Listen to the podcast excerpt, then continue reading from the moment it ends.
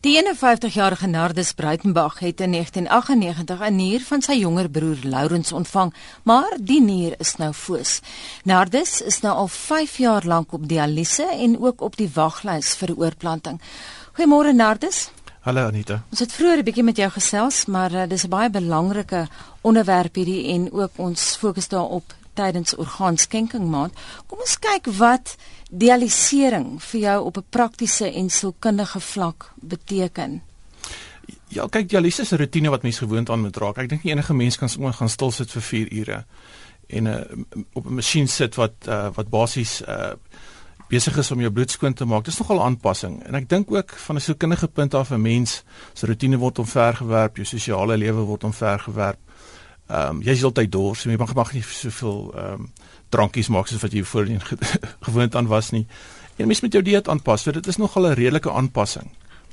Wat die eintlike dialysering betref, jy het nou gepraat van 4 ure. Is dit die normale lengte? Ja, dit is die normale lengte, is 4 ure 3 keer per week maar ek is gelukkig genoeg om deel te wees van 'n program waar ons nagdialyse doen waar ons in die hospitaal slaap dan het ons 8 ure 3 keer 'n week. Nou jy het nou eergister gedialyseer. So jy's ja. nie nou moeg nie. Jy lyk goed soos wat jy voor my sit en jou jou kleur lyk goed. Ek meen ja. jy lyk as mens nie weet nie, sou mens nie sê jy het 'n nier nodig nie. Ja.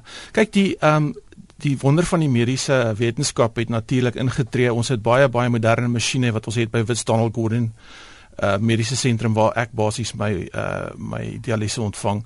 Ek het drie fantastiese nefroloë en dokters wat na my kyk. Daar is fantastiese nuwe medikasie wat help om jou um you know aan die gang te hou. So met ander woorde, uh dit is 'n uitstekende uh, rotine wat ek volg en jy kan die resultate sien. Nardus, jy was een van die vyf pioniers wat nagdialyse gekry het by die Wits Donald Gordon Instituut. Jy het dit uitgetoets. Man, uh, ek sê die nefroloog is briljant en een van ons nefroloë uh, is basies uh, die direkteur van die eenheid en hy het toe voorgestel dat ek deel vorm van 'n groep van omtrent 5 5 mense wat begin het met die nagdialyse. En die rede daarvoor is omdat ek 'n goeie, gesondheid het en omdat my algemene gesondheid is baie goed. So, ehm um, ja, dit is 'n baie meer uh, matige proses op die liggaam. Die pompspoed is is minder, dit is beter op jou hart uh, jy kry baie beter result, bloedresultate, jou bloed word beter skoon gemaak. Ja, dit is 'n wen-wen resep. Kom ons gaan terug na jou persoonlike verhaal. Mense wat pas ingesluit het, ons gesels vanoggend met die 51-jarige Nardus Breitenberg. Hy het in 1998 'n nier van sy jonger broer Lourens ontvang, maar die nier is foos. Jou nieroorplanting Nardus van 1998 was die tweede een. Dis korrek. Die eerste nier wat jy ontvang het, het jy van 'n kadawer gekry. Dis reg, ja. Maar die is verwerp. Ja. Hoekom? Ehm um, weet jy, ehm um, soos ek genoem het, um, ek ly aan 'n siekte glomerulonefritis. Ehm um, dit kon 'n rol gespeel het, maar daar is akute verwerpings. Uh wat basies gebeur het is in in daai tydperk was die mediese kennis nog nie so goed nie, so die oorplantings het nogal daar was nogal akute verwerpings in daai tyd wat plaasgevind het.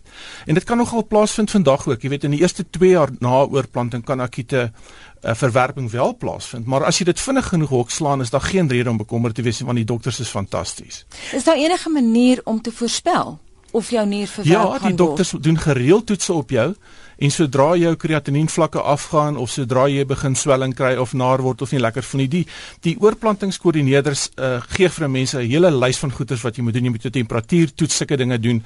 So met ander woorde, jy is heeltyd besig om jouself te toets en sodra jy iets agterkom wat nie reg is nie, dan kan jy jou dokter gaan sien. Jy verwys nou na akute verwerping. Is daar dan verskillende grade van verwerping? Ja, daar is die akute vorm soos ek sê wat meestal maar plaasvind aan die begin van die van die periode. Uh wanneer die nier nog gewoond raak, die liggaam gewoond raak aan nie. Kyk, die liggaam gaan nooit taal gewoond raak aan die nier. Jy moet aanhou met jou medikasie. Maar ehm um, dit dit is daar. En dan is daar natuurlik 'n langer vorm van verwerping wat vir dokters baie kopseer gee. En dit is wat natuurlik die nier se funksie oor tyd per tydperk vernietig. Dis 'n langsame verwerping. En dit het te doen met die medikasie wat jy neem en uh die medikasie is 'n tweeledige swaard. Aan die een kant hou dit jou aan die gang. Dit dit dit keer die nierverwerp aan die ander kant ehm um, vernietig dit nierfunksie. So dit is 'n dis 'n moeilike situasie en jou nefroloog is belangrik want hy moet daai balans kan hou. Ek sien ons het 'n SMS van anoniem wat sê 'n vriendin van my is so gelukkig om by die huis dialyse te kry en toe begin beerdkrag. Sy doen dit nog, maar dit vereis goeie beplanning. Dis 'n perd van 'n ander kleur. Ja, kyk, daar is natuurlik mense wat kan bekostig om 'n masjien te koop en by die huis aan te hou. Daar is baie goeie draagbare masjiene wat 'n mens kan gebruik deesdae wat jy kan saamvat huis toe. Jy moet natuurlik leer om die naalde self in te sit of daar is ook 'n uh, uh, medisyne mense wat rondgaan om hierdie mense te help op 'n gereelde basis. Wat van mense wat dit nie kan bekostig nie, is hulle dan uitgelewer aan staatshospitale? Dis 'n baie baie ehm um, Dis 'n baie treurige storie. Jy weet op hierdie stadium van die geveg is daar net 1300 mense van die 9000 tannie genoem het wat op die transplantlys is. Die res van die mense in staatshospitale word ongelukkig huis toe gestuur om dood te gaan. Dit is die realiteit van die situasie. Maar dan net op praktiese vlak, jy het 'n vaste werk.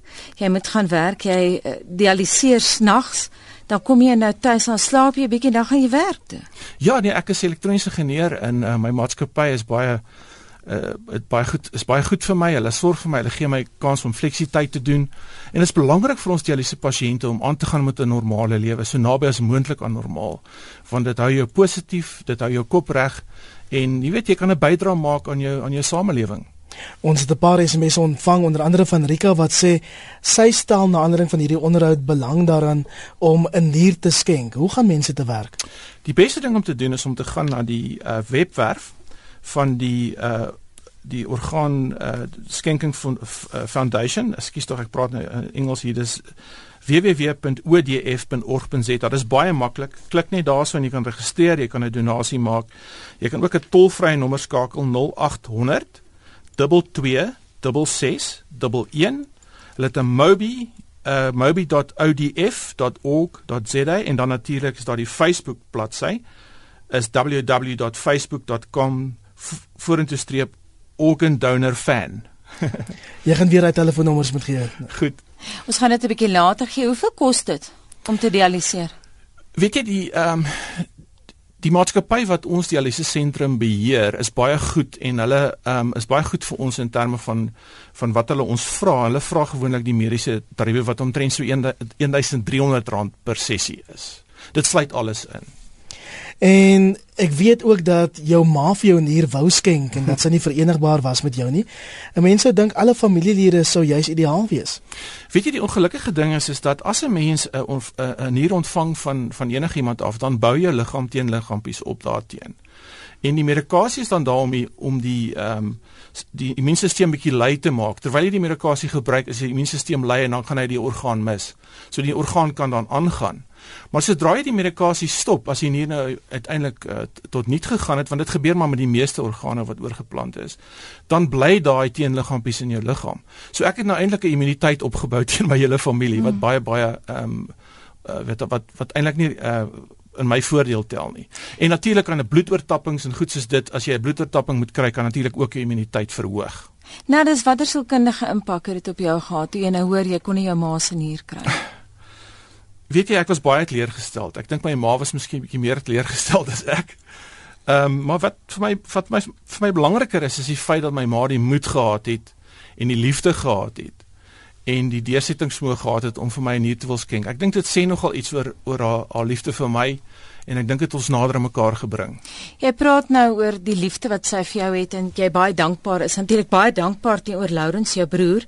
Augustus is orgaanskenkingsmaand, maar daar is onder sommige mense 'n baie sterk weerstand teen skenking.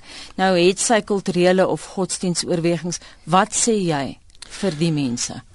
Weet jy, orgaanskenking ken nie kleur nie. Dit ken ook nie ras nie, dit ken nie kultuur nie. Dit gebeur met alle mense van alle rasse en alle kulture. Die interessante ding, die ironiese ding is is dat ons mense van alle rasse en kleure kan uh, vir mekaar organe skenk. So met ander woorde op 'n liggaamlike vlak is ons almal dieselfde. So wat ek sê is is ek sê dat jy kan met een orgaanoorplanting kan jy sewe mense se lewe red. Jy kan 50 mense se lewe bevoordeel met weefseloorplantings. So dit is vir my die beste godsdienst en kultuursituasie wat ek kan kan dink.